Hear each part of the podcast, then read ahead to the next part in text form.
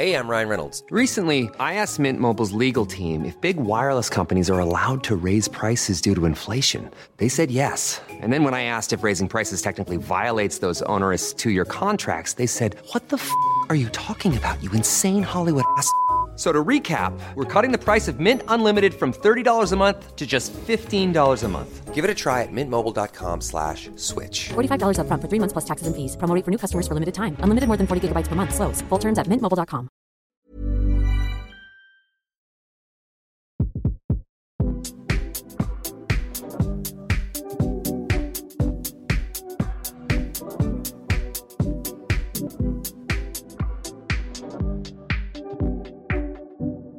Det lukter litt rart her, Gina, det må vi bare være enige om. Men det er fordi frøken Torstensen har vært på trening og meldte tidlig fra om at hun kom til å ta seg skoa.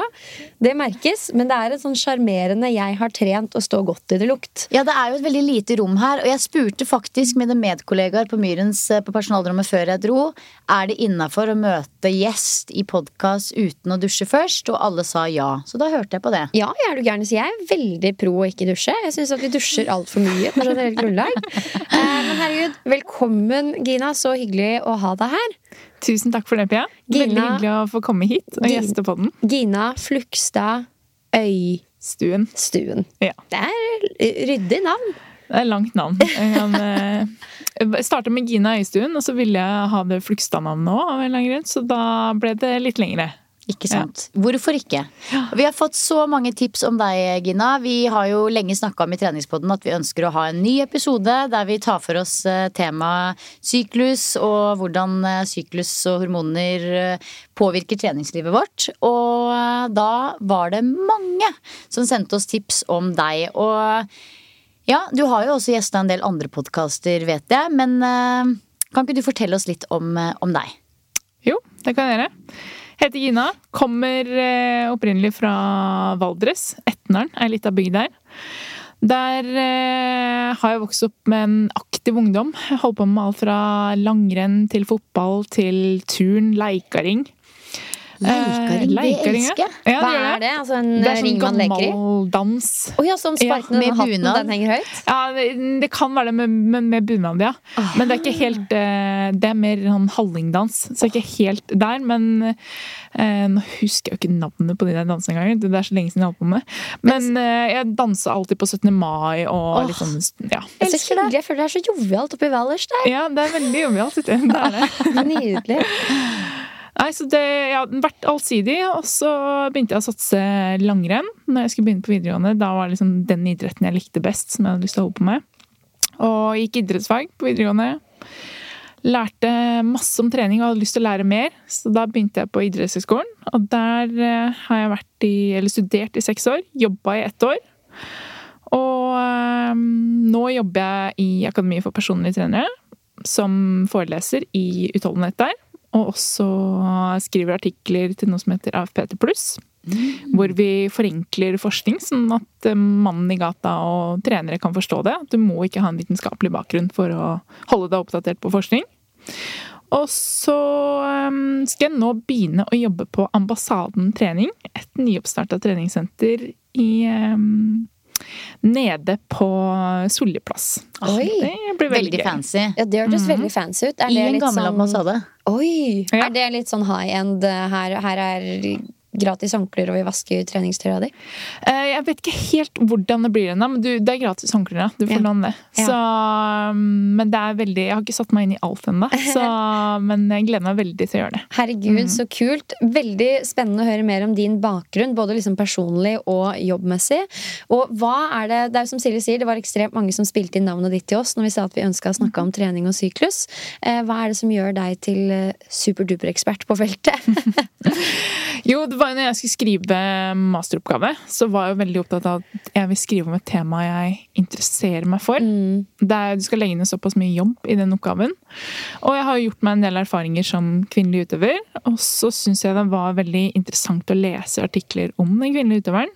Selv om det var veldig få, så var det noe. Og øh, veldig mye av det jeg leste, var av ganske dårlig kvalitet. Og mye av idretts, de idrettsrådene eh, vi gir i dag, er jo basert på forskning som er gjort på menn. Og så er det jo sånn at når det kommer til idrett og konkurranse både i OL og VM, så er det sånn at nesten 50% av de som deltar, er jo kvinner. Så det er jo på høy tid at vi faktisk gjør noe med, med den vitenskapelige mm, forskningen her, da, på at vi øker andelen kvinner i forskning. Det er veldig skeivt. Hvorfor er det det? Nei, Det er noe med denne her syklusen da, som vi skal snakke om i dag, eh, som gjør at vi jenter er litt vanskeligere å forske på enn det gutta er. Fordi, Vi er rett og slett litt mer kompliserte. Vi er det. Mm. Og det gjør at forskerne er bare sånn Nei, dette blir for meget. Det er lettere med menn, for de er bare sånn zzz, på det jevne. Helt Ja. flate. Det er Ikke sant? Det Og det er- er, jeg kan bekrefte at det er vanskelig å forske på jenter, for det gjorde jeg da i min masteroppgave. Da, da forska jeg på hvordan prestasjon, eh, utholdenhetsprestasjon, varierer i løpet av syklusen. Ikke sant? Ikke sant. Det føler jeg det har blitt mer bevissthet rundt. Vi snakker mer om at uh, på enkelte steder i syklusen din så presterer du kanskje dårligere, eller har det i hvert fall dårligere på grunn av syklus. Da. Em, så det skal vi jo snakke masse om. Og en av de viktigste tingene som jeg tenker at vi kan etablere, er jo hvordan denne syklusen til oss jenter er gjennom en måned. Det er sikkert mange som er bevisst på det, men jeg tenker det er fint å minne oss selv på det før vi går videre. Hvordan syklusen oppfører seg. Ja. Det er jo eh, En syklus varer stort sett mellom 21 til 35 dager. Det er det vi regner som en naturlig menstruasjonssyklus. Og den starter da på dag én når man får menstruasjon. Og så fra dag én og fram til det vi kaller eggløsning, så eh, stiger konsentrasjonen av de kvinnelige kjønnshormonene østrogen. Og den fasen her kaller vi follikkelfasen. Og så fra eggløsning og fram til ny menstruasjon igjen kaller vi lutealfasen. Og i den fasen her så stiger både konsentrasjonen av østrogen og progesteron, altså begge de kvinnelige kjønnshormonene. Og så faller det igjen mot slutten av syklusen, som igjen utlyser en, utløser en ny menstruasjon. Og det er kort fortalt syklusen og hvordan vi gjerne deler den inn i de to overordna fasene. Så det er forlikkelfasen. Da er ting opp og nikker. Hos mange så er det ofte det. Noen kan ha litt sånn småplager og vondter i starten av syklusen. Og oppleve også at det kan redusere prestasjonsevnen og yteevnen på trening. Eh, Og så har vi lutealfasen, som gjerne mange opplever og er ganske bra i starten. Mens mot slutten så er det en del som opplever de typiske PMS-symptomene igjen. Ja. Og er det, det er jo ikke sånn at alle opplever PMS. Hvorfor er det sånn at noen får symptomer på PMS og andre ikke? Vi har det jo på en måte alle sammen, men ikke symptomene, da. Veldig godt spørsmål. Man vet jo ikke helt nøyaktig årsaken til PMS heller, men man tror at det kan være pga. forandringer i de kvinnelige kjønnshormonene. For det skjer jo et fall i både østrogen og progesteron mot slutten av menstruasjonssyklusen. Og så er det sånn at de her kjønnshormonene påvirker mye mer enn bare det reproduktive systemet vårt. Vi har eh, reseptorer for østrogen og progesteron andre steder i kroppen også. Og det vil si at de steder vi har reseptorer, eh, i de vevene vi har det, så kan når østrogen og progesteron binder seg til den reseptoren, så vil da de kjønnshormonene påvirke det vevet i en eller annen grad. Og da Så antall reseptorer du har i kroppen, og hvor du har de, og mengden kvinnelige kjønnshormoner du har, vil da påvirke kroppen din. Og det her er veldig forskjellig fra kvinne til kvinne hvor mye vi har av både kjønnshormoner og reseptorer. Ikke sant. Og det er jo kanskje vanskelig å måle også, altså sånn hvor man på skalaen ligger, i og med at øh, hormonnivåene varierer sånn i løpet av en måned. Ja. Eller fins det noen måte å måle Hvis du da tatt meg og Silje, sier at Silje har eh, lite symptomer på eksempel PMS, jeg har høye symptomer. Kan vi få det bekrefta på en eller annen måte, eller er det umulig å vise? vise? Ja, vi- Via en prøve, på en måte. Ja. Altså Man kan måle kjønnshormonene gjennom hele syklusen. Det kan man. Eh, gjennom tester. Nå er det få som tilbyr sånne tester i Norge, men det er noen hvor du kan ta måle kjønnshormonene i spytt eller urin hver dag. Så kan du få eh, se om du har den profilen som man ideelt sett ønsker at man skal ha da, når det kommer til å ha en regelmessig menstruasjonssyklus. Ja. Går man til legen, så får man gjerne bare tatt prøve den dagen. Eh, Og det er ikke alltid legen noterer hvilken dag i syklus det er engang. Og da er det vanskelig å vite eh, om de kvinnelige kjønnshormonene er sånn som de skal eller ikke. Og så er det vanskelig å gi eh, Eller komme med konkrete årsaker til hvorfor noen kjenner på symptomer og ikke. Det er så vidt jeg vet, ikke helt noe fasitsvar på, på enda. Nei, for det kan jo også variere med hvordan man takler det. Altså, jeg kan jo gå helt i kjelleren av å ha litt PMS, mens andre har samme grad av PMS, men takler det på en helt annen måte. Så det er jo også det som spiller inn, og som gjør det vanskelig å måle og sammenligne, da. Hva var det som gjorde at du blei sånn ekstra, ekstra interessert i dette her selv? Har du noen Ja. erfaringer med PMS selv, kanskje? Nei, jeg har altså jeg, Når jeg var eh, ung, når jeg fikk menstruasjon Jeg fikk menstruasjon ganske tidlig. Og hadde ganske kraftige blødninger. eh, og, mm, men hadde menstruasjon regelmessig helt fram til videregående. Eh, men jeg syns det, det var veldig irriterende og plagsomt den perioden med blødning. Da, nettopp fordi jeg, det, var, ja, det var kraftig og, og mye. Eh, og jeg ble sliten i de periodene og slet også, mm, litt med lave lave ferritinlager, altså mangel på jern i kroppen. Som absolutt ikke er gunstig når du driver på med utholdenhetsidrett.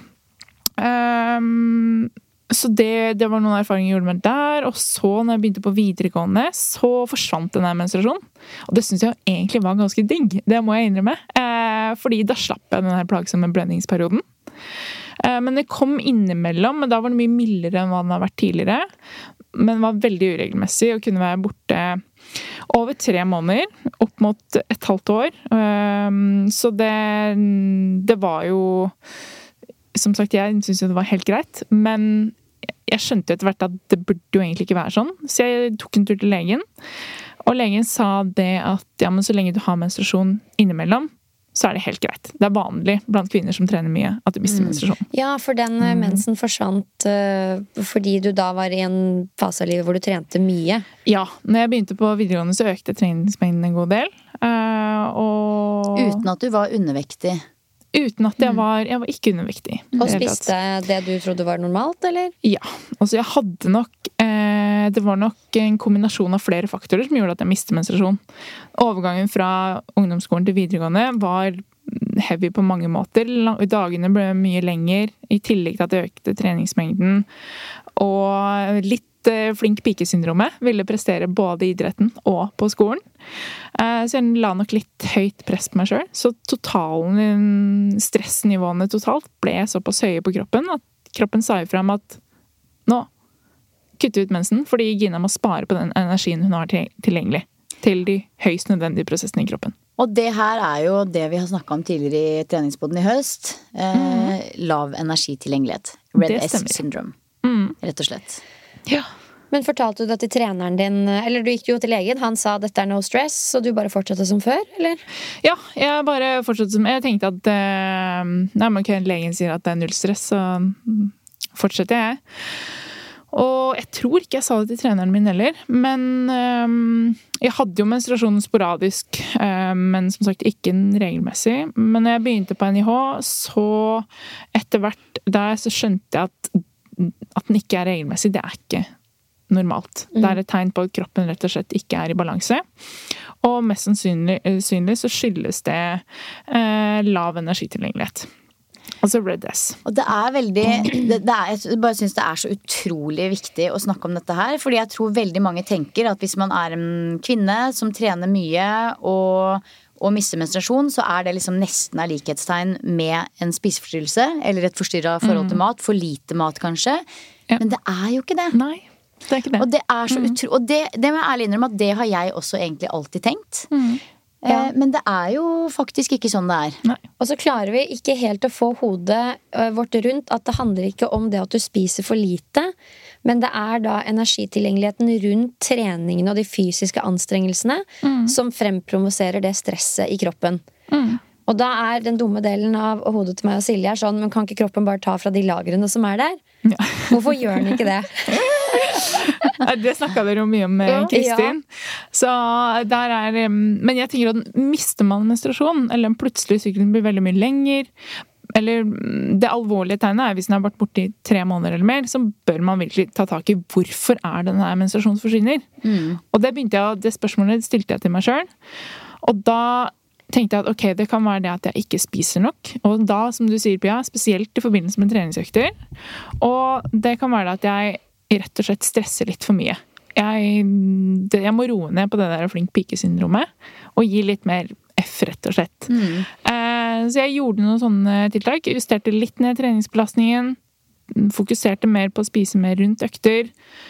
Og prioriterte restitusjon foran trening. Mer hvile og mer god mat og mindre trening. Og så plutselig, det gikk ikke lange tida skjønner du, før menstruasjonen kom tilbake og var regelmessig. Fy søren. Og etter det har du hatt regelmessig menstruasjon? Jeg har vært innom litt eh, prevensjonsmiddel på, Ja. på veien. Ja. Jeg fikk jo kjæreste, og da følte jeg at jeg burde ha det. Og Mm. så har jeg testa litt og fant vel ut at Nei, vet du hva. Det, prevensjonsmiddel er ikke noe for meg. Jeg vil ha min egen syklus. Det er det jeg trives best med. Mm. Hva er uh, de negative konsekvensene av å ha RED-S? Altså Som du sier, legen sa dette er ikke noe stort problem. Men hva, hva kan være de negative konsekvensene over tid? Det kan være ganske mange, og det kommer litt an på hvor lenge du har slitt med lav energitilgjengelighet. Men det kan både føre til negative helsekonsekvenser og prestasjonskonsekvenser. Man ser jo gjerne at utøvere som sliter med RDS, kan få en prestasjonsboost i starten, altså rett og slett at de presterer bedre. Og så i etterkant så begynner konsekvensene å komme, i form av at man blir kanskje oftere sjuk, man kan bli skada, man kan eh, sove dårligere. Man ser jo Nå har det nettopp kommet en ny artikkel fra IOC som har eh, skrevet noen oppdateringer på på nettopp helse- og prestasjonskonsekvensene av REDS. Eh, Og da ser man at blant kvinner så urininkontinens er noe som faktisk kan være en konsekvens av det. At man rett og slett ufrivillig tisser på seg. Eh, Det er, som dere snakka om, Kristin, med beinhelse, ser man primært el- at blir eh, dårligere. Og da øker man jo risiko for beinbrudd. Um, Det er Ja, immunforsvaret blir svakere. Det er eh, mange som igjen da fører til redusert styrke, redusert utholdenhet. Eh, Jeg føler det er veldig sånn helhetlige negative konsekvenser som kanskje kan være vanskelig å være sånn Dette skjer på grunn av det. Det er jo litt sånn diffuse negative ting som litt sånn snikende blir en del av den nye normalen til kvinnen som sliter med det. da. Eh, og det er litt skummelt, så man skal være da ekstremt bevisst på dette her med syklus. At man skal, man skal ha en normal syklus over en eh, tidsperiode på tre måneder. Hvis du ikke har da mensen på tre måneder, så er det stor grunn til å oppsøke hjelp. Ja, det er det. Og så tenker vi jenter må jo være Vi er jo egentlig ganske heldige som har det her tegnet på at kroppen er i balanse. Ja, det er jo et veldig godt måleparameter på mange måter. Ja. Men jeg tror bare igjen at veldig mange, inkludert meg selv, har på en måte tenkt at hvis mensen uteblir, så er det fordi du har, et, har spiser for lite eller er forstyrra. Men det er igjen dette med timing og måltider som bare er key, da. Ja, for er det alltid en konsekvens av lav energitilgjengelighet? Eller kan det også oppstå hvis man f.eks. gjennomgår enormt følelsesmessig stress? Det kan det være. Ja, det, ja, kan det òg. Ja. Det må ikke være maten som er årsaken til at menstruasjonen forsvinner. Det kan være, Eller energitilgjengeligheten, da. Men det kan være andre årsaker, som stress. I form av mentalt stress. Det kan være. Og si at man har en normal syklus, da, hvis vi kaller det det. En sunn syklus som eh, du får mensen en gang i måneden, og sånn, sånn er det. Eh, tilbake til dette med PMS. Hva gjør man da?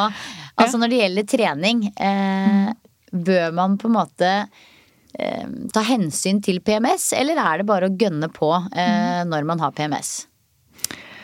Godt spørsmål. Eh, Det her tror jeg kommer veldig an på individet og hvilke symptomer man opplever. Eh, Mine tanker er at hvis du opplever symptomer som påvirker treningskvaliteten, eller som påvirker restitusjonen din, så bør du ta hensyn til deg. Eksempelvis er det mange som opplever at de sover dårligere i den PMS-fasen, i dagene før menstruasjon. Og søvn er jo et av de viktigste restitusjonsparametrene restitusjonsparameterne vi har. Så da tenker jeg det er en grunn til å, å ta hensyn til det her når man trener, og kanskje ikke legge inn de hardeste treningsøktene og mm, de lengste treningsøktene som krever lengre restitusjonstid, men ta og justere litt ned enten intensiteten eller volumet på øktene i de her periodene. Hvorfor, ikke for å avbryte, men hvorfor sover man dårligere i, i gitte faser av syklusen? Det kan være um, flere ulike årsaker til det, men annet temperatur. Ja. Den merker jeg i hvert fall mm, for meg selv, at eh, temperaturen den stiger jo i lutealfasen. Og det å våkne og være varm og litt sånn svett på natta, det, da, det er ikke noe behagelig, og da sover jeg mye dårligere. Mm. Det har jeg også erfart. Jeg kan våkne opp og være sånn svett, liksom. Ja. Sånn som man er når man har feber. Mm. Det er jo ikke noe digg. Nei. Åh, men det er det her som gjør det så vanskelig, for det er jo veldig sånn opp til den enkelte å kjenne etter hvordan sover du, hvordan restituerer du. Altså det er eh, et landskap å navigere i der man kan føle seg litt aleine, for det er veldig sånn lytt i kroppen.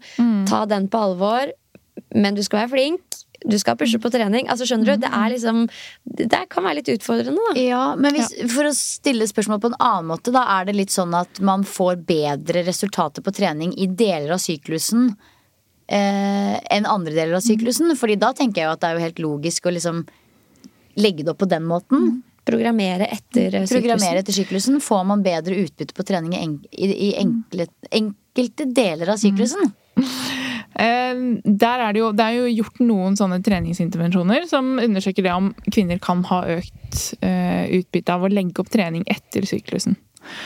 Og da er det mm, noen som har sett at eh, kvinner kan ha en fordel av å trene mer styrke i forlikelfasen og færre økter i lutealfasen. Og da få bedre muskelstyrke og bedre muskelvekst.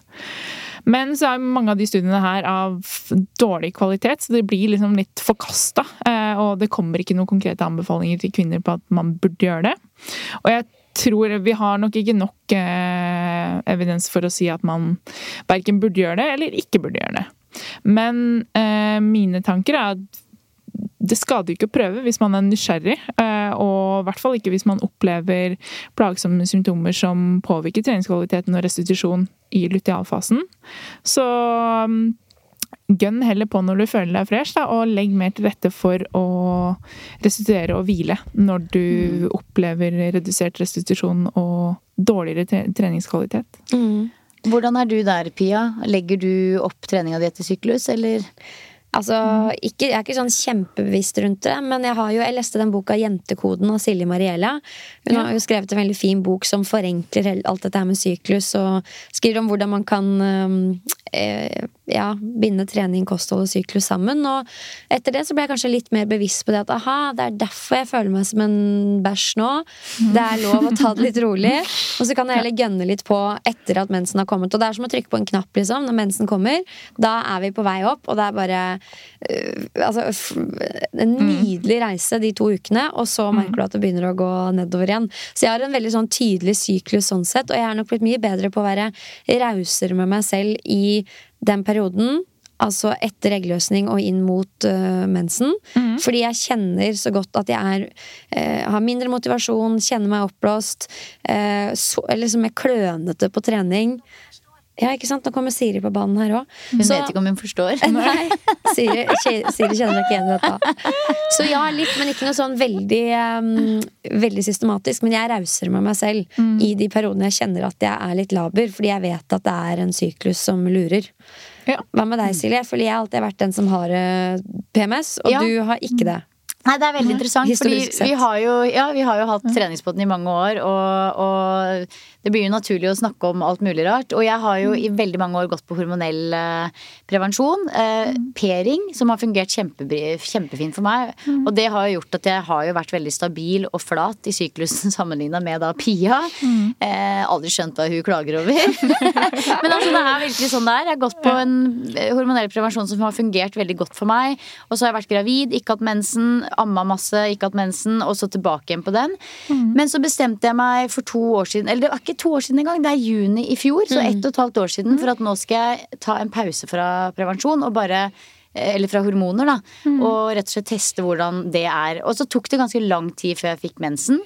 Eh, kanskje tre eller fire måneder. Eh, og nå eh, vet jeg hva det er å ha en syklus, for det påvirker helt klart dagsformen min også, i forhold til det du nevner om å være oppblåst, og kanskje litt moody, få litt mer kviser, sånne ting. Men jeg har aldri kjent på noe forskjell når det gjelder treningsutbytte. Noe sånn videre. Men det er mer liksom det at jeg, jeg kjenner veldig Den delen av syklusen som jeg liksom kjenner mest forskjell på, det er kanskje under eggløsning. Da har jeg veldig mye spennende drømmer og Blir Ja, det er, er tydeligvis ut og Ja, det, Der er fruktbar. det er, det er fruktbar. Og det er litt sånn interessant, for det er jo en del av meg som har vært helt flat på den måten. Jeg har jo aldri merka det før med eh, prevensjon. Så jeg merker helt klart at jeg har liksom ulike deler av en syklus som påvirker meg på ulike måter, men ikke så mye når det kommer til trening. Du merker ikke at du kan ha mindre lyst til å gå på trening og kjøre harde intervaller eller tunge løft, på en måte? Altså, jeg er jo eh, Nei. Jeg har i hvert fall aldri Altså, det er mer Jeg kan kjenne veldig på liksom at treningsmotivasjonen og lysten er laber i en periode med veldig mye i livet. Og eksempel lite søvn, at det er litt for mye stress og for mye på to do-lista og for mye i kalenderen. Men det har ikke så mye sammenheng med syklusen min, syns jeg. Nei. Nei, for det, vil jo, det er jo ikke bare syklusen som påvirker deg. Nei. Det er jo totalt mye annet i, i, Ja. i livet også. Så, um, og det kan at de andre tingene i livet overdøver på en måte den effekten menstruasjonssyklusen har på deg. Ja. Um, men så er det jo sånn, jeg tenker at hvis du ikke opplever noe særlig mm, påvirkning av symptomer som påvirker treningskvaliteten din eller restitusjonen, Nei. så tenker jeg at da er det ikke så mye du trenger å ta hensyn til heller. Nei, og det er Um, det jeg også har funnet fram til. At jeg, jeg tror ikke jeg skal liksom begynne å tukle for mye med at liksom, da skal jeg gjøre det, og da skal jeg gjøre det, og da burde jeg kutte ned på det, og da burde jeg legge inn trykket der. Når, når jeg ikke merker så, så stor fysisk forskjell, men når det er sagt, jeg kjenner jo på emosjonelle svingninger. Det kan jeg gjøre. Jeg har jo stått på parkeringsplassen her ute og hylgrini foran deg. Det går begge veier. Ja, det går begge veier. Vi har sånn emotional Og- outburst ja, hver gang vi treffes. jo, altså, hver gang jeg har en sånn emotional breakdown, så er det jo på grunn av to ting. For lite søvn og et spennende sted i syklusen. Det er jo det. det, det, er, det er et spennende sted å være. Da kommer det fram Det er mye. gøy. Ja, men det er jo veldig viktig det du sier, Silja. Man skal ikke liksom begynne å tenke altfor mye på dette her hvis man ikke har noe, merker noe til det i det hele tatt. Men for meg så var det, det er veldig frigjørende å få kunnskapen om hvorfor det er sånn, så man ikke bare føler seg som en lat potetsekk på de dagene man føler seg som en lav, lav potetsekk, men man skjønner også hvorfor det kan oppfattes sånn, da. Og så tenker jeg også at mm, hvis man opplever symptomer og føler motivasjonen til å trene er rett og slett eh, laber, så ikke bare legg deg på sofaen av den grunn. Trening er fortsatt bra. Det kan hjelpe mot mange av de her symptomene. Eh, yoga, blant annet, som du praktiserer mye, Silje, har Ja. vist å ha positiv effekt mot å redusere blant annet PMS. Så, men finn en aktivitetsform som du føler passer deg i de periodene du opplever symptomer. Eh, og som regel så vil det virke positivt med å redusere de her eh, plagene bare ved å røre seg litt. Uavhengig om det er å gå seg en tur, eller drive yoga, eh, eller ta en tung styrkeøkt. Det, bare få i gang blodsirkulasjon og få hodet og, og tankene på noe annet enn symptomene. Ja, for det hjelper jo ikke å være hjemme og se på Netflix eller kjefte på kjæresten. Altså, det kommer du ikke noe vei med. Nei, man gjør ikke det, vet du. Så Men, man men en ting som kanskje er verdt å snakke litt om også, er jo For det er jo ikke alle som Veldig mange går jo på hormonell prevensjon. Mm. og om det også påvirker eh, trening, eh, prestasjon og restitusjon. Hva, hva sier litteraturen her? Nei, Der vet vi jo enda mindre enn hva vi vet om menstruasjonssyklus og hvordan det påvirker. Eh, nettopp fordi det finnes jo så mange ulike forskjellige hormonelle prevensjonsmidler. Eh, og skal man eh, forske på de, så det kommer til å ta lang tid. Mm. men det, det det er gjort noe på, er p-piller. Og, og i løpet av et brett med p-piller så man jo, har man tre uker hvor man tar en pille, og da har man stabil hormonkonsentrasjon i de tre ukene. Og så har man en uke hvor man har en kunstig bortfallsblødning. Og da har man lav konsentrasjon av de kvinnelige kjønnshormonene. Uh, og i løpet av de fire ukene her så ser man ingen variasjon i verken styrke eller utholdenhetsprestasjon. Og så har man nå sammenligna kvinner som går på p-piller, med naturlig menstruerende kvinner. Og ser at kvinner på p-piller kanskje presterer noe dårligere enn naturlig menstruerende kvinner. Men igjen kvaliteten på de studiene her er ganske lav, og mest sannsynlig så vil det her være veldig individuelt. Og for en kvinne som f.eks. har mye plager tilknytta sin menstruasjonssyklus, kraftige blødninger, menstruasjonssmerter, kanskje også redusert søvn, og rett og slett fungerer ikke flere dager i løpet av måneden. Så for henne så kan det jo være prestasjonsfremmende å gå på p-piller, faktisk, kontra å ha sin egen syklus. Så her Ja, for det, det er jo faktisk en del kvinner som er så prega av PMS at de er deprimerte. Og da vil jo det være et forebyggende tiltak mot depresjon, rett og slett. Å gå på hormonell prevensjon. Det kan være det. Ja. Mm. Tar vi, eh, altså, tar vi nok hensyn til syklusen til kvinner i et samfunnsperspektiv? Altså, jeg føler Du kom, vil jo aldri komme på jobben og si sånn I dag har jeg PMS, og jeg kommer til å gå tidlig. Altså, det er veldig sånn, Du skal ikke snakke høyt om at du føler deg ræva pga. en syklus, fordi det er sånn alle kvinner har det. Eh, vet ikke, Hva tenker du rundt det? Nei, jeg tenker at vi ikke gjør det. Det her er jo et tema som man Nå har jeg vært inne i idretten og prøvd å øke kunnskapen til både utøvere og trenere om det her i idretten gjennom foredrag og, og samtaler. Men det er ikke bare idretten vi mangler kunnskap om der. Det er i samfunnet generelt og arbeidsplasser øh, og ja, skoler. Og ikke minst utdanning. Så mener jeg at eh, det her bør inn på veldig mange arenaer. Um, og lære, lære opp rett og slett samfunnet til å vite hva som påvirker kvinner. Da. Både under menstruasjon og um, PMS, som er gjerne de to fasene hvor kvinner kan oppleve plager som påvirker deres evne til å fungere i hverdagen. Ja. Hvordan er statusen si, i Idretts-Norge og i de miljøene du har vært? Er det med visshet rundt dette her og en respekt for det, eller er det litt sånn ja Kom og snakk, liksom, Gina og mensen, og så kan vi gå på trening igjen. Altså, hvordan er det? Nei, det er veldig, veldig forskjellig Ja. fra miljø til miljø. Um, det er um, noen som har satt seg mye inn i det her, uh, og så er det noen som ikke vet forskjellen på mensen og menstruasjonssyklus. De vet at kvinner blør en gang i måneden, men de har ikke hørt om at det er en syklus her, og svingninger i kjønnshormoner osv. Um, så Og det man ser også i litteraturen, er at ut, både utøvere og trenere sier at de mangler kunnskap om det her, og hvordan rett og slett kvinnekroppen fungerer, og hvordan det eventuelt påvirker både trening, restitusjon og prestasjon. Mm. Det med syklus er jo veldig spennende. Altså det, nå kommer yogen i meg her, da, men Ja. eh, Hvorfor er menstruasjonssyklusen lik månesyklusen, på en måte? Altså, det er jo ikke tilfeldig, tenker jeg. Nei, det, altså, nå tenker du på måne, tang og altså, og en høyvann og lavvann altså, sånn. ja, rett og slett. Ja, nei, det der Ja, vi kan ikke bry oss nei, ut på det. nei, det- Men har du noen er- tanker om det? For det er jo- Jeg har ikke satt meg så mye inn i akkurat det der, men jeg har lest litt om det, og jeg syns det er veldig fascinerende. Men jeg vet ikke hvorfor. Det har ikke... Det er veldig fascinerende. Og det er jo, det er jo selvfølgelig yogen i meg, at vi er liksom We are one. Union, på en måte. Vi er alle en enhet. Jorda og universet og menneskene og Jeg tror ikke det er tilfeldig. Nei. Nei, nei. det tror ikke jeg heller. Men det er som du sier, folk vet veldig lite. Sånn som meme på Instagram der de, det var en programleder som gikk rundt og spurte spesielt menn da eh, hvordan tror du at kvinner klarer å tisse når de har i tampong. Og de var sånn Nei, vi må vel ta den ut, kanskje flytte den til siden. Herregud, hvordan gjør dere det? Stakk. Altså, sånn. Det var et veldig morsomt eksempel på hvor lite kunnskap det egentlig er om kvinnekroppen og hva som er mulig der nede. Det er veldig interessant. Ja, ja, det var helt uh, hilarious. Man kan jo ikke klandre folk, liksom, men um, jeg håper at vi beveger oss i hvert fall bort ifra både hvordan vi selv ser oss selv opp i en syklus, men også liksom av menn da, som kanskje har minst kunnskap til det. At det blir en stadig større respekt for at dette her er en greie som påvirker oss fysisk og psykisk. På mange måter er det jo en styrke. Det er dette som gjør at det er vi som bærer fram barn. Men det er også um, for noen en ballast man har med seg, og som man skal ta på alvor å respektere. da. Og være raus med seg selv hvis man kjenner at dette påvirker meg eh, ikke bare positivt. Men er det, er du, hvordan har du begynt å eh, legge opp trening etter syklus, eller tar du noe hensyn til syklusen din når det kommer til trening og, og arbeidsoppgaver og det du gjør i hverdagen, Pia? Nei, bare på den måten at jeg er rausere. Mm.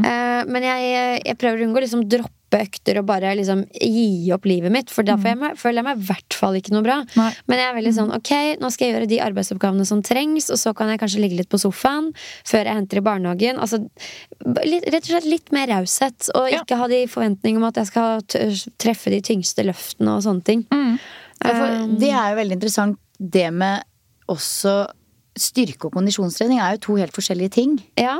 Er det noe forskjell på det? Nei. Der er det, og det er gjort enda mindre på kondisjonstrening sammenligna med styrketrening når det kommer til studier på kvinner og menstruasjonssyklus. Um, så um, det er så vidt jeg vet ingen som har gjort en treningsintervensjon på utholdenhet ved å prøve å legge opp utholdenhetstrening etter syklus. Eh, I litteraturen så er det ingen som har gjort det, men jeg vet om flere utøvere som har gjort det og gjør det, og som opplever at det har en eh, positiv effekt. Oi, det er rart at ikke det har Eller jeg føler, det er bare mitt At i utholdenhetsidretter så er det der man er mest utsatt for reddes. Men det er bare Jo, men det, du har rett i det. Mm -hmm. idretter hvor kroppsvekt er av betydning for prestasjonen, eller kroppsutseende, Mhm. så ser man at forekomsten av REDS er høyere. Mm, det er det. Men ehm, så det kan jo hende at det, hvis man belyser betydningen av menstruasjonssyklusen i de her idrettene, at det kan være med å, å redusere forekomsten av Redest. Det kan være. Mm. Um, Hvordan tror du unge jenter, si langrennsjenter da, på 12-13-14, snakker om uteblivende menstruasjon? Tror du det er noe man eh, tar som et alvorlig faretegn? At hvis det skjer, så må du si fra til treneren? Eller er det mer sånn holder det on the low? Ja, altså Når man er 12-13, år, så er det ikke sikkert man har fått eh, sin første menstruasjon ennå heller. Men har man ikke fått det før man er 16 år, så bør man si det til foreldrene sine i hvert fall. Eh, Og sjekke det ut hvorfor, hvorfor man ikke har fått det ennå. Mm. Eh, Men har man hatt menstruasjon regelmessig, og så plutselig forsvinner den igjen, som vi har snakka om, så bør man også ta og si det til foreldrene sine eller treneren sin. Og det tror jeg fortsatt er ganske vanskelig å gjøre for mange unge jenter. Men så er man jo kanskje redd for at man ikke skal få lov å trene, for eksempel. Ikke sant? Ja. Og det er jo kanskje det viktigste i livet. Mm. Det kan jo gjelde voksne òg. At man, at man uh, mistenker at man har en litt usunn syklus pga. det ene eller det andre, men så har man liksom ikke lyst til å snakke høyt om det, for man er redd for å Måtte gi slipp. ja, måtte gi slipp på treninga, som kanskje er veldig viktig, da. Og det må man jo for all del ikke ta fra dem. Det er jo blant eh, kvinner som har slitt med enten en menstruasjonsforstyrrelse, enten at det er fravær av menstruasjon, eller at den er uregelmessig, eller um, en annen form for forstyrrelse, så ser man det at det hjelper ikke å ta treninga fra dem. Det kan hende man bør justere ned treningsbelastningen litt, men det handler først og fremst om å øke energitilgjengeligheten. Ja. Det å spise nok i forbindelse med økter man har. Ja, så det er det mm. første. Det er sikkert mange som lytter nå og lurer på liksom, ok, trener jeg for mye. Eh, Men så det første man eventuelt bør se på da, og kanskje justere på, er å spise mer rundt øktene. Ja. Og ofte så er det mer karbohydrater som må til. I hvert fall hvis man trener mye utholdenhet. Ja, vi fikk, jo, vi fikk jo veldig mange personlige historier i innboksen etter den episoden med Kristin om lav til, eh, energitilgjengelighet, der hvor veldig mange fortalte sin historie som har kommet ut av det på andre siden med veldig gode resultater, som ikke engang har visst om det, men som Ja. for f.eks. har slitt med å få barn i veldig mange år, og endelig da møtt på en, en lege eller en gynekolog som sier Vet du hva du burde gjøre? Prøv å time måltidene dine ordentlig godt med treninga. Gikk litt ned på treningsbelastningen, og så vips, så har de blitt gravide tre måneder etterpå. Og de, det her er ikke idrettsutøvere, det er helt vanlige treningsjenter som trener helt vanlig moderat trening tre til fire-fem ganger i uka. Da. Ja. Det er jo mye, men likevel ikke Det er jo mange som holder på sånn, ikke sant? Så, Ja. Men man ser jo at eh, menstruasjonsforstyrrelser det er ikke noe som bare påvirker toppidretten og de som trener 15-20 timer i uka. Det er faktisk menstruasjonsforstyrrelser hos de som trener bare tre til fem ganger i uka, som du sier. da, Ja. Silje. Eh, Og en, en av grunnene til menstruasjonsforstyrrelser kan nettopp være RED-S og lav energitilgjengelighet. Ja. Og det, vet ikke om du har sett noe til det eller tenkt noe over det, men med, i takt med at faste fremstår som et stadig bedre eh, verktøy for, eh, for folk, da. Ja. Hva, hva tenker du om det for oss kvinner? Jeg tenker at det kan være litt skummelt, i hvert fall hvis du trener veldig mye. Eh, Jeg har jo testa litt eh, faste selv, faktisk. Mest fordi at jeg har litt sånn kranglete tarm. Eh, Og eh, opplever at det å la magen få litt hvile kan hjelpe på tarmen. Men så ser jeg også det at da må jeg være obs på når jeg eventuelt faster. Da. Eh, Fordi jeg kan ikke drive og faste rundt treningsøkter. Nei.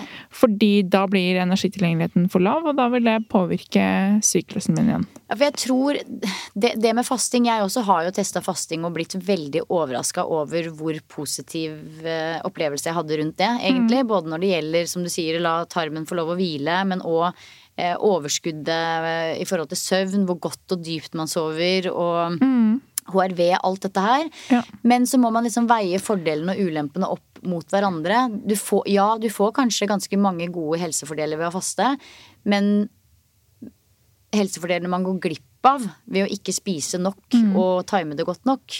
Man må på en måte rett og slett måle det litt opp og ned mot hverandre, tror jeg. Mm, og så er det sånn, det er forskjell på Hvis du holder på med intermittent fasting, for eksempel, da, så er det sånn Du må jo ikke gjøre det hver dag for at du skal få en mm, positiv effekt av fasting. Eh, og jeg ville, i hvert fall hvis du trener mye, da, så ville jeg ikke gjort det de dagene du mm, trener høyintensivt eller trener mye, men kanskje heller på en hviledag. da. At du legger inn at du faster da. Ja. Ja, Det er derfor jeg har fått med meg av eh, de som driver med trening på høyt nivå og ønsker å faste, det er at man da i hvert fall ikke skal trene fastende eller vente lenge til neste måltid, men at man da trener i de timene hvor man har tilgang på mat både før og etter. Men eh, jeg har også hatt mange kunder som er sånn Jeg går og trener klokka seks, og så spiser jeg ikke lunsj før klokka ett. For da har man hørt at kroppen spiser av seg sjøl, og man rydder opp, og søppelbilen kommer, og masse helseeffekter. Jeg bare tror at det, det er en mismatch mellom dette fastebudskapet ut til Ola og Kari Nordmann Um, kontra vi som treningsfolk, at vi embracer det på samme måte, fordi vi har en litt annen fysiologi. Det er mer som skjer, og vi trenger kanskje mer fuel, da. Det er sant. Og så når det kommer til fasting, så er det spesielt i, i eh, Fra eggløsning og fram til ny menstruasjon igjen, så bør man være forsiktig med det. Det er jo veldig interessant. For da kan man forskyve eggløsning, og da få lengre syklus. Og i lutealfasen så ser man at kvinnekroppen er litt mer i en katabol tilstand pga. progesteronene eh, som har, er mer nedbrytende, mens østrogen er mer oppbyggende. Så det å sørge for at man spiser nok i forbindelse med de øktene her, eh, i forbindelse med økter i lutealfasen, er ekstra viktig, og pga. andre grunner som at vi bl.a. kan ha litt redusert tilgang på karbohydrater i lutealfasen. Så for å unngå å bryte ned kroppen for mye, så er mat i denne perioden viktig. Ja, for lutealfasen er jo da de to ukene før mensen, Ja. fra eggløsning og inn mot mensen, og så Ja, er forlikelfasen de to ukene etter mensen. Ja, for det er jo veldig interessant om man faktisk kanskje trenger litt mer mat i deler av syklusen. Fordi eh, veldig mange opplever jo at de har litt sånn eh, crave, cravings, i deler av syklusen. Ja. Er det, Skal man gjette for det? Nei, men Man ser jo at eh, villmetabolismen til kvinner øker litt i lutealfasen eh, sammenligna med resten av syklusen. Eh, og det mm, kan jo slå seg ut i form av cravings, eh, og, men det er veldig individuelt hvor mye det eventuelt øker fra kvinne Ja, til jeg så faktisk Så- et innlegg på Instagram for, for en stund tilbake, og det fikk meg til å stusse litt. øh, om at man trengte mellom 300 og 400 kalorier ekstra i uka før menstruasjon. Men det syns jeg hørtes veldig mye ut. Ja, det er nok ganske mye sånn Jeg tror ikke det er det i gjennomsnitt. Nei. Eh, Det er det ikke. Nei, Men at det kan øke med 100-200 kalorier, det kan det. ikke sant. Så mer, eh, hvis det er noe vi skal ta med oss rundt øh, hensyn når det kommer til ernæring og syklus, så er det at vi med fordel kan spise litt mer karbohydrater i de to ukene før mensen, da. Ja, eller at man i hvert fall sørger for å Hvis man skal ha høyintensive økter, enten i form av type crossfit-økter eller intervaller, eh, eller mm, heavy styrketrening, så sørg for at du har spist karbohydrater og proteiner i forkant av den økta, og fyll på i etterkant. Og hvis du har lange økter, fyll på underveis også. Ja. Og det tror jeg føler er en terskel man må fylle på underveis. Hvor Ja, lenge skal man trene da for å fylle på underveis? Nei, over eh, Hvis du har høyintensive økter, er det over 60 minutter, så bør du fylle på med noen karbohydrater underveis. Eh, rolige økter, så over 90 minutter. Eh, hvis det er økter over 90 minutter, så fyll på med noe Enten med noe sportsdrikk eller en banan eh, underveis i økta. Noe fuel, liksom. Ja. Vi begynner å nærme oss slutten, men jeg bare vil spørre om det. Er det vist at du har, faktisk har dårligere prestasjon? Si en utøver som møter opp på konkurransedagen. Ehm, vet vi da at hvis det er på et uheldig sted i syklusen, så vil hun prestere bedre? Nei, dårligere, mener jeg. Ja. Uh, man ser jo eh, at eh, der ser man litt sånn, eller ganske stor forskjell på objektive og subjektive mål. Mange kvinner opplever at de presterer dårligere under menstruasjon og i dagene før menstruasjon. Mens eh, de objektive målene ser egentlig ikke noe tydelig variasjon i prestasjon i løpet av syklusen. Verken når det kommer til styrke eller utholdenhet. Men det kan tenkes at prestasjonen er noe redusert under menstruasjon. Det er i hvert fall en oversiktsartikkel som eh, konkluderer med at prestasjon kan være noe redusert under menstruasjon sammenligna med resten av syklusen. Eh, Men eh, ja, igjen, beklager, men vi må ta det òg med en klype salt. Eh, Og det her kan være individuelt. Så det er ikke sånn at hvis man har et løp, og det ender på en kjip dag i syklusen, at det er dømt nedenom og hjem. Det kan gå helt fint. Det kan gå helt fint. Ja. Det kan det. Men eh, personlig så mm, føler jeg selv at jeg er mer positivt til sinns eh, hvis, jeg hvis jeg havner i en konkurranse tidlig i syklus kontra seint i syklus. Ja. Um, Har du noen erfaringer med det? Jeg løper jo et eh, ultraløp nå i helga som var. Oh. Um, Er det, hvor langt er det? Det var 57 km. Oh, Aldri løpt så langt før. Eh, Det var eh, Hvor var det? i Sverige. Ja, Kullamannen heter det. Ja, det var Løp langt. du hele veien da? Eller gikk man litt veien. innimellom? Det var noen motbakker, men Ja. det var ganske få motbakker. Men de gjørmete motbakkene som var, gikk jeg lett. Ja, men det er jogg, det er jogg hele veien. Hvor lang tid liksom. bruker man på det, liksom? Jeg brukte fem og en halv time. Mm. Da må man ha litt påfyll underveis. Da jeg spiste sånn ca. 65 gram karbohydrater i timen. Så Ja. da var det bare sukker, gel og sportsdrikk. Mm. Det var eh, Men det Jeg følte jeg hadde en supergod opplevelse på den, det løpet, og det tror jeg skyldes litt om hvor jeg var i syklus. For da var jeg sånn dag 14 ish, rett før eggløsning. Eh, og ca. tre uker i forveien så hadde jeg hatt en, en eh, langtur midt i lutealfasen hvor jeg følte det gikk så tungt. Ja. Eh, og tenkte at herregud, skal jeg løpe 57 km på en sånn dag? Så blir det tungt. Men igjen, det her er min opplevelse. Det er ikke sikkert det hadde vært noen variasjon i prestasjon. Nei. For det objektive mål tyder jo ikke på at det er noen Nei, særlig sant? variasjon. Men det var det jeg følte, da. Mm. Og det er jo det, det er jo det viktigste parameteret. Hva man føler som kvinne selv. Altså mine, Ja. Det jeg føler min syklus, det kan være noe annet enn det du føler. Så det, jeg veksler hele tiden mellom liksom, Å, herregud, nå er det masse følerier her, Pia. Ja. På den andre siden sånn Dette må du ta på alvor. Det du føler, er din sannhet, på en måte. Så Og så tror jeg at havner en konkurranse på en typ, dårlig dag i syklus. Så da må du ha testa ut i forkant hvordan skal du håndtere de her symptomene og det som gjør at du opplever at du presterer dårligere i denne perioden. mm, Lær deg å håndtere symptomene dine istedenfor å tenke negativt om dem. Ja. Og teste ut strategier for hvordan du skal håndtere det best mulig. Kanskje du må redusere rett og slett treningsmengden mer inn mot en konkurranse hvis konkurransen havner på en dårligere dag i syklus, og fokusere mer på restitusjon og hvile, sånn at du er mer på plussida. Og kanskje på den, og den ved å gjøre det opplever færre symptomer og mer overskudd og klart å ta i. Jeg tror det er bra at det stadig blir mer bevissthet rundt egen syklus. fordi at vi, er, at vi er bevisste selv, gjør også at vi kan spre kunnskap til de rundt oss.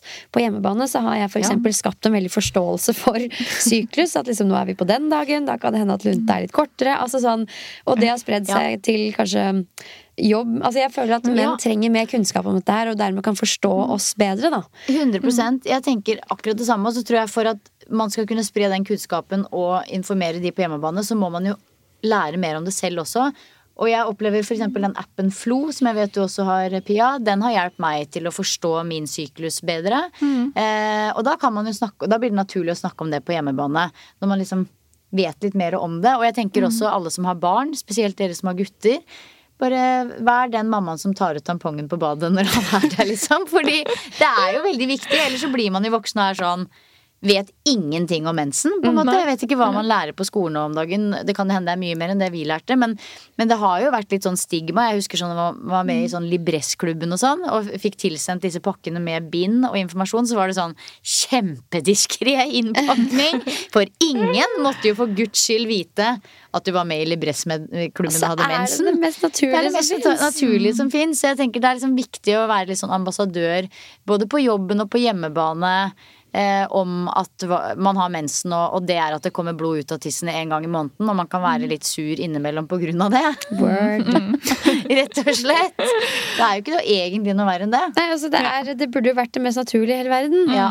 Men eh, ja, vi begge, bruker jo begge den appen Flow. Har du noen sånne tips og triks rundt det her med tracking av syklus? Er det noe man skal gjøre, ikke gjøre? Hva, hva tenker du?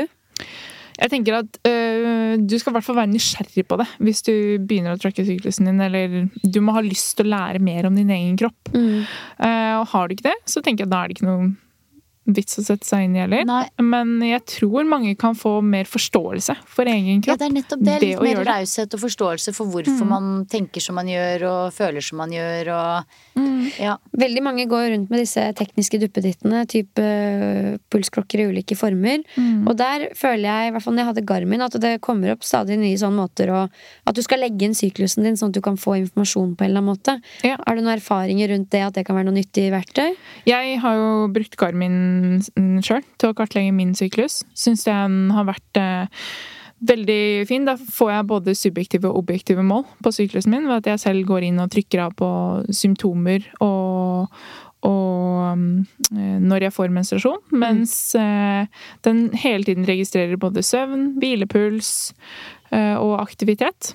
Så da får jeg alt i én app på én plass. Eh, og da har jeg jo sett blant annet at mm, jeg sover gjerne kortere og har høyere hvilepuls i ritualfasen. Så for meg er det tegn på at ok, her bør det være mer obs på å tilrettelegge for restitusjon. Men er det bare nysgjerrighet? Er det Mm. du som gjør de observasjonene, eller er det appen som forteller deg nå er du i ritualfasen sånn og sånn og sånn, da pleier du sånn og sånn og sånn? Ja, nei, de har jeg satt meg inn i sjøl, Ja, så appen Ja. sier det ikke til meg. Nei, man må Mm. følge litt med der. Nei, det er veldig interessant. Ja, det, Men det det, gjør jo den appen Flow. ja, den gjør det. Det- Ja, ja. men den er ikke, vel, den er ikke kobla opp til uh, Nei, det, nei, nei, nei, men måte. nei, det er den ikke. Så det blir jo på en måte hva som er å forvente av eh, symptomer, da. Ja, for der, der er det jo flere Wild Eye, for eksempel, og Fitter Woman er to andre apper som også sier litt om hva du kan forvente. Mm. Hva du kan forvente. Men det er jeg litt sånn Litt imot, Ja. fordi det er så veldig individuelt da, hvordan denne syklusen påvirker. Mm. Så hvis man Hvis appen sier at nå skal du føle deg sånn og sånn, så blir det gjerne sånn at du føler deg sånn og sånn uten at du faktisk Mm. gjør det. Ehm, så track dine symptomer og stol på de, og ikke det appen sier. Ja. Um, ja. Kan man stole på sånn Når da appen Flow sier sånn Nå er det lite sannsynlighet for graviditet. Noen måler jo temperatur og sånn. Kan man stole på det? Du kan jo ikke si ja 100 men Nei. sånn Nei, det er ingen garanti for at man ikke kan bli gravid hvis man har sex i når som helst. fem måte. dager etter Ja. eggløsning, for eksempel. Det er um, Jeg ville ikke stolt på det. Nei. Det ville jeg ikke. Så Flow er ikke noe prevensjonsmiddel. Nei, flow Nei. var ikke noe prevensjonsmiddel. Nei. Men det er altså rett etter mensen er det vel relativt Gans, ja, under menstruasjon, for eksempel, Ja. så er det jo Hvis det er en periode du skulle er hatt sex på uten kondom, så hadde det vært da. Men Ja. jeg Nå har ikke jeg lyst til å bli gravid ennå, så jeg hadde ikke tatt sjansen. Nei, ikke sant? Um, så den, og den Bruk kondom. Ja. Det bare. Ja. Mm. Det skal vi, det skal vi gjøre. Noted. ja, Nei. men eh, avslutningsvis, bare med deg og din reise, Silje. Kommer du til å gå tilbake til eh, eh, hormonprevensjon, eller er det Jeg sånt? har jo vurdert det noen ganger, og det er først og fremst fordi det høres jo, Fordi jeg syns det er sy- sykt digg å kunne hoppe over mensen. Det må jeg helt ærlig innrømme. Det er så mange ganger hvor jeg liksom Å ja, nå skal jeg på treningsreise! Å ja, skal ha mensen. Ja. Hvis du skjønner? Eh, og det var jo helt fantastisk å bare kunne hoppe over mensen. Akkurat når det passer, liksom. Så det er nummer én. Og nummer to så har jeg hatt noen ganske sånn emotional rides eh, de siste to ja, ett og et halvt året, da, som jeg ganske, med ganske stor sikkerhet kan koble opp mot mensen og syklus. Som på en måte Det er jo ikke noe farlig, men det er på en måte litt sånn Sånn som, så som nyhetsbildet ser ut nå, da. Med liksom at man ser eh, helt forferdelige bilder fra, fra krig med barn som Ikke sant? Det er, det er sånn som jeg, jeg tåler ekstremt dårlig. Eh, når jeg har PMS. PMS. Og det kan påvirke meg på en sånn måte at det har liksom vært ledige sekund hvor jeg ikke har noe å liksom sysselsette meg med, så bare kommer de bildene opp. Og det blir så sterkt At det på en måte nesten går litt utover livskvaliteten. Og, det, og, og sånne type sånn emotional rides som det, det, det er jo veldig digg å slippe. Fordi man blir mye flatere. Men når det er sagt, så, så står jeg jo i det. Og så lenge man kan minne seg på at grunnen til at du kjenner dette ekstra sterkt og føler ekstra mye nå, det er på grunn av syklusen din. Men jeg tror det også for meg er det mest negative i gåsehudene med en syklus. At det er så sånn bølger i følelsesspekteret. Ja. Eh, og man, man blir ganske sånn ustabil overfor seg selv, men også de rundt en. Og det kan være litt vanskelig å forholde seg til. Og, altså det er slitsomt, rett og slett. At noe du så på på én måte på den dagen, nå ses på på en helt annen måte. Det kan oppleves litt sånn urettferdig ofte. Det har vært interessant å se hvor mange damer som har pakka bagen og reist. Ja. På gitte dager i syklus. Ja, på gitte dager. Nå ga jeg forholdet. Man skal, vi, er, vi, skal, være- vi er veldig heldige som har så mye ulike prevensjonsmiddel. Og opplever man plager som virkelig påvirker livskvaliteten, så mm, tenker jeg at da, da er det verdt å prøve prevensjonsmiddel. Um, men så er det sånn, hvis man syns bare menstruasjon er irriterende, og hvis det havner på en treningssamling eller en treningsreise, så finnes det også produkter du kan bare ta som utsetter menstruasjon. Typ en en eller en dag, eller eh, en uke, eller 14 dager. Dette, Dette her er en Ja. Hva?! Dette her visste ikke jeg om! Nei, nå vet du det. Ja, så Kan da jeg gå på apoteket og kjøpe det, liksom? Sist eh, håper jeg, jeg gjorde det, og fikk høre om det, så må man, da måtte man gå til legen for å få en resept. Ja. Men det er veldig enkelt, og jeg tror du bare kan ringe legen og be om det også. Og da tar du det på den dagen du antar at du skal få menstruasjon, og så tar du det hver dag fram til du Vi ha det igjen. vil ha menstruasjon Ja. igjen. Og da kommer menstruasjonen ganske For det fort. er noe, altså For eksempel det å reise til Australia. Mannen min kommer derfra. Vi skal Ja. dra dit nå 17. desember, og jeg er bare sånn jeg kan ikke ha mensen på den reisen. Nei. For det, det er altså det å ikke dusje på 35 timer liksom når du har mensen, det er ikke veldig deilig. Nei, det er litt Altså det er sånn der, og det er sånn som jeg kan, Da kan jeg grue meg litt til den reisen på grunn av det. Men er det noe negativt med å gå på hormoner, utsette mensen, hoppe over et halvt år, og så som det du nevner nå, utsette da fordi man skal et eller annet? Er det noe negativt med det? Er det liksom tukling som, eh, der du går på kompromiss med et eller annet, eller er det helt innafor? Nei, altså det er ikke noe helseskadelig eller eh, negativt ved å bruke de her eh, midlene vi har. Men eh, det er to situasjoner man skal være litt obs på. I hvert fall det å begynne på kombinasjonspreparater som p-piller, p-ring og, og p-plaster. Og det er rett og slett hvis man har mista menstruasjon, og menstruasjonen ikke har vært borte på, eller ikke har vært til stede på tre måneder eller mer. Så skal man ikke begynne på p-piller for å få tilbake menstruasjonen igjen. Det, det man gjør da, er at man rett og slett blokkerer eh, evnen til å få tilbake menstruasjon enda mer. Ja, men kan man gjøre det? At hvis jeg har mista menstruasjon pga. REDS, begynner på p-piller, og da provoserer frem en kunstig mens? Ja, det vil du da få. En kunstig mens. Det er det det er. En kunstig mens. Ja. Så fordi det er et samspill mellom um, hormonproduserende kjertler i hjernen og nederst på magen som styrer menstruasjonssyklusen din. Og når du begynner på p-piller, så blokkerer du hormonproduksjonen i hjernen, sånn at du kun får tilført hormoner via det preparatet du tar. Men hvis du mister menstruasjon, så er det allerede et dårlig samspill mellom de kjertlene i hjernen og de kjertlene på magen. Så da bør du ta tak i årsaken til hvorfor det her skjer, framfor å begynne på kombinasjonspreparat som blokkerer denne her produksjonen i hjernen enda mer. Det er så sjukt at du kan bare ta en liten sånn pille, og så går den Ja. inn og gjør alle disse tingene. Ja. Bare sånn hjerne skrudd av, kjertler i magen, på, oppå Ja. Altså, det er helt Ja. sjukt.